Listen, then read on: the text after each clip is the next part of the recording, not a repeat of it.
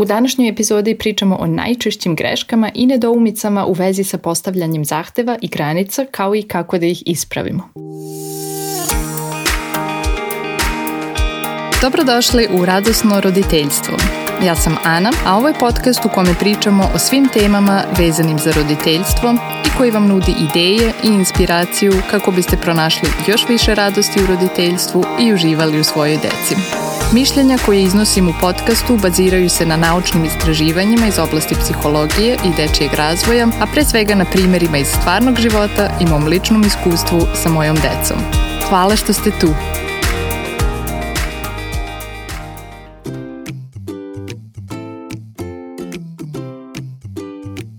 Većina nas ima najviše pitanja, nedoumica i problema sa svojom decom u situacijama u kojima od dece nešto tražimo ili želimo da postavimo neku granicu. O tome zašto su granice važne smo pričali detaljno u prvoj i drugoj epizodi, a danas ćemo pričati o najčešćim greškama u vezi sa postavljanjem zahteva i granica kao i kako da ih ispravimo. Naravno, kada pričamo o zahtevima, pretpostavljamo da su oni u skladu sa uzrastom i mogućnostima našeg deteta, tako da ono može da ih ispuni. To je uvek prvi korak, da se zapitamo da li je naš zahtev uopšte prikladan za naše dete. Prva česta greška je da nismo sigurni da li treba da postavimo granicu. Jedna od čestih stvari koja nas sprečava da efikasno postavimo granicu je nesigurnost da li uopšte treba da reagujemo i kako. U toku proteklih par nedelja je stiglo nekoliko pitanja u vezi sa postavljanjem granica i već sam svima odgovorila preko e-maila i u svim pitanjima se radilo o situacijama u kojima apsolutno moramo postaviti granicu. Na primer, jedna mama mi je pisala da njen sin koji ima tri godine neće da da ruku kada prelaze ulicu i hoće da vozi bicikl pored prometne ulice i nestane da je sačeka kada mu ona to kaže.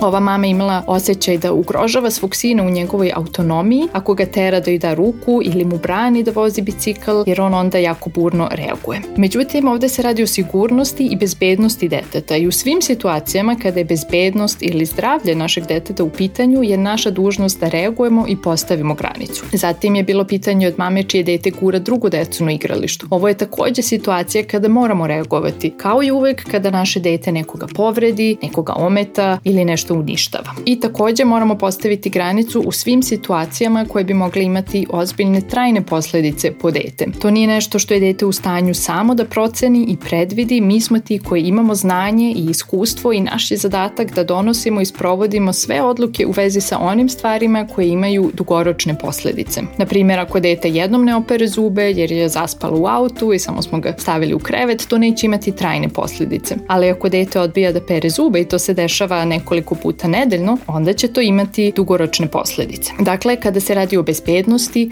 o zdravlju deteta, o stvarima koje bi mogli imati trajne posljedice po dete, o ponašanjima koje su agresivna ili destruktivna, onda uvek moramo postaviti granicu. Pored toga, svako od nas ima svoju individualnu granicu koje treba da smo svesni i u svakoj porodici postoje drugačija pravila. Na primer, nekome ne smeta da se malo dete igra sa hranom, da istražuje, da baca hranu na pod i onda ta osoba neće postaviti granicu. A neko će možda smatrati da za senzornu igru postoje drugi materijali i neće dozvoliti igranje sa hranom. Tako da je dobro da razmislimo šta nam je važno, kakva očekivanja imamo od dece i kakva pravila u vezi sa pojedinim situacijama postoje u našoj porodici. Na primer, kakva su pravila u vezi sa obrocima, sa ekranima, sa odlaskom na spavanje. Što nam je jasnije kakva su uopšte pravila, to ćemo lakše moći da postavimo granicu. Druga česta greška je da mislimo da nešto radimo pogrešno ako se dete ne slaže sa našom granicom. Često se desi da poslušamo savete, dogovorimo se unapred sa detetom, povežemo se pre nego što postavimo granicu, ponudimo izbor, probamo da granicu postavimo na neki razigrani način i dete svejedno prekrši tu granicu i zatim je mi sprovedemo, na primer ugasimo televizor ili udaljimo dete iz neke situacije, na primer ako nekoga udara, ili vežemo dete u autu protiv njegove volje jer smo već sve isprobali i sada je vreme da negde krenemo. I onda se dete ne slaže i burno reaguje i mi mislimo da nešto pogrešno radimo ili da mirno roditeljstvo uopšte ne funkcioniše. Međutim, upravo je sada taj deo mirnog roditeljstva, da ostanemo smireni, dosledni, ljubazni, da prihvatimo da se dete ne slaže sa našom granicom i da je svejedno sprovedemo. Jer ako očekujemo da će nas dete poslušati, ako primenimo neku određenu strategiju, onda ćemo veoma često biti frustrirani ako se to ne desi i naša reakcija reakcija će biti u skladu sa tim. Sve strategije koje koristimo su tu da nam olakšaju postavljanje granica i da nam ponude nove alternativne načine komunikacije sa decom, da ne moramo da koristimo zapovedni ton, pretnje, posramljivanje, sve ono što smo mi kao deca čuli ili što je uobičajeno u našem društvu, a što će oštetiti naš odnos sa detetom. Ali te strategije nisu garancija da će se dete složiti sa nama i da neće izraziti svoje mišljenje u vezi sa našom granicom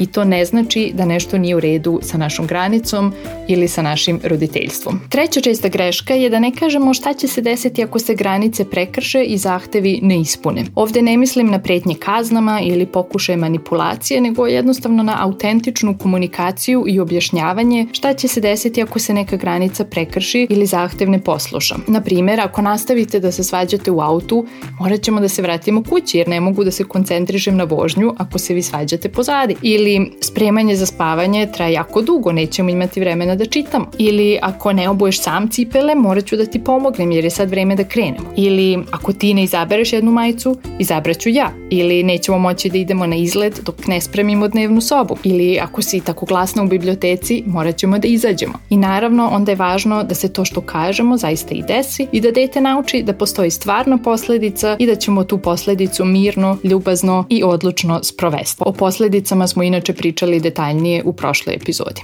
Sledeća česta greška je da nismo blizu deteta kada postavljamo neki zahtev. Ovo je nešto što nam se svima često dešava da govorimo deci, a da nemamo njihovu pažnju ili čak da nismo u istoj prostoriji ili da se šetamo okolo i postavljamo neki zahtev. I svi znamo kakve su šanse da nas dete posluša u ovakvoj situaciji. Ono što se obično desi je da ponavljamo na ovaj način isti zahtev, dete nas naravno ignoriše i onda se mi iznerviramo jer smo istu stvar već ponovili tri puta i ništa se ne dešava i možda počnemo da vičemo i cela situacija preti da eskalira, a u stvari nismo uradili najvažniju stvar, nismo privukli pažnju svog deteta.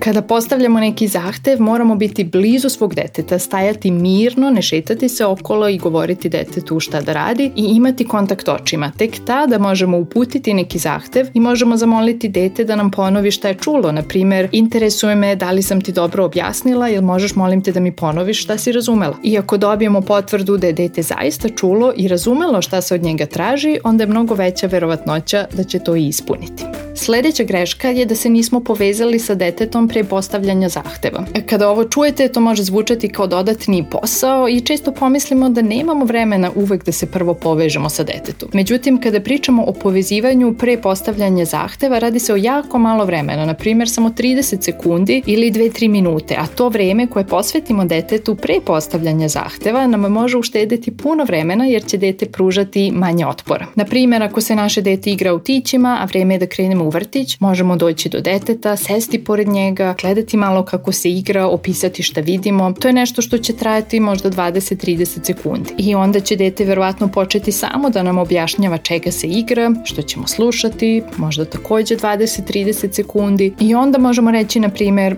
hajde sada zajedno da ih parkiramo u garažu i posle toga je vreme da obujemo cipele. Jer ako se naše dete igra u tićima i mi samo dođemo i kažemo idemo, dođi da obučeš cipele, onda će nas dete ili samo ignorisati ili će probati da nas ubedi da se igra još samo 5 minuta, pa ćemo početi da pregovaramo i ubeđujemo ga zašto nemamo više vremena, počećemo da se nerviramo, da se brinemo da ćemo zakasniti i tako dalje. Tako da nam kratko povezivanje pre postavljanja granica u stvari može uštedeti puno vremena. Sledeća greška je da zahtev formulišemo kao pitanje i ovo je nešto što se često dešava, što svi radimo, da zahtev formulišemo kao pitanje, na primer, je li idemo ili uskoro ćemo da ugasimo televizor, važi. Na ovaj način verovatno pokušavamo da čujemo da se dete slaže sa nama i da će bez poteškoća poslušati neki zahtev ili poštovati neku granicu. Međutim, zahtev upućen na ovaj način zbunjuje dete, nije dovoljno jasan, dete ne zna šta se od njega traži i ili neće ništa odgovoriti ili će reći da se ne slaže. Tako da razmislite kada formulišete zahteve da li je to zahtev ili je pitanje. Ako sada moramo da krenemo, onda ne moramo da pitamo je li idemo, nego možemo da kažemo vreme je da krenemo ili za 5 minuta ćemo da ugasimo televizor. Još jedna česta greška koju pravimo je da postavljamo puno zahteva odjednom, na primer spakuj užinu, operi zube, obuci jaknu i cipele. Često deca nisu u stanju da obrade toliki broj zahteva odjednom, tako da neće moći uspešno da ispune sve zahteve. Ili im samo kažemo spremi se za spavanje. Ovo takođe podrazumeva nekoliko radnji, tako da je mnogo bolje ako deci kažemo po jednu stvar. Na primer, spakuj užinu i vrati se pa ću ti reći šta je sledeće. Sledeća greška je da govorimo detetu šta da ne radi. Često naše zahteve izražavamo na negativan način, ne viči, ne trči, ne zadirkuj brata, što ne daje informacije detetu o tome šta zapravo želimo da radi. Jednostavno rešenje je da kada formulišemo naše zahteve, tražimo ono što želimo, a ne da kažemo šta ne želimo. Na primer, pričaj tiše, hodaj polako pored ulice, razgovaraj ljubazno sa svojim bratom. Još jedna česta greška je da previše objašnjavamo. Često u mirnom roditeljstvu mislimo da ako smo dete ljubazno zamolili da uradi nešto i ako smo mu dobro objasnili razloge, da će nas poslušati i zato se jako trudimo da nešto objasnimo detetu. Na primer, moramo sad da krenemo, već smo dugo bili na igralištu, moramo još i u prodavnicu, pa moramo da skuvamo večeru i da se okupaš, vidiš, već su svi otišli, samo smo mi ostali, moramo da krenemo. Ili, važno je da se vežeš u autu, pojaste štiti u slučaju saobraćene nesreće, možemo i da dobijemo kaznu ako nisi vezana, evo vidiš, ja sam vezana, i tata, i brat,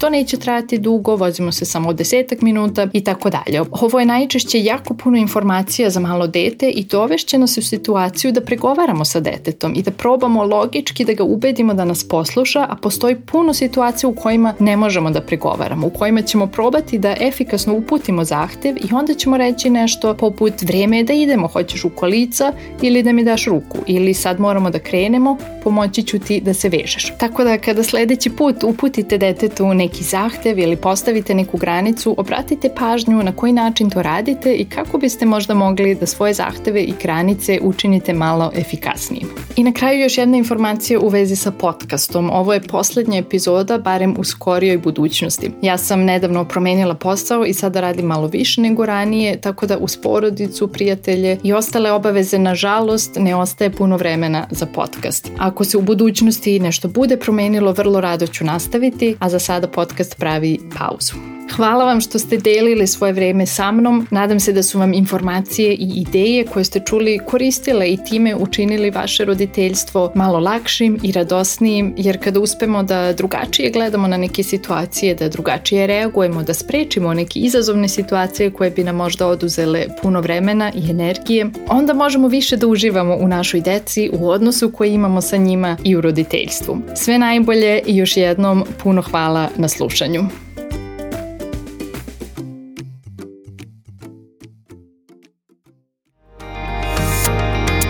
Hvala što ste slušali Radosno roditeljstvo. Ako imate neko pitanje, predlog ili samo želite da mi se javite, pošaljite mi e-mail na adresu podcast.radosnoroditeljstvo.com ili popunite kontakt formular na web stranici radosnoroditeljstvo.com. Čujemo se za dve nedelje.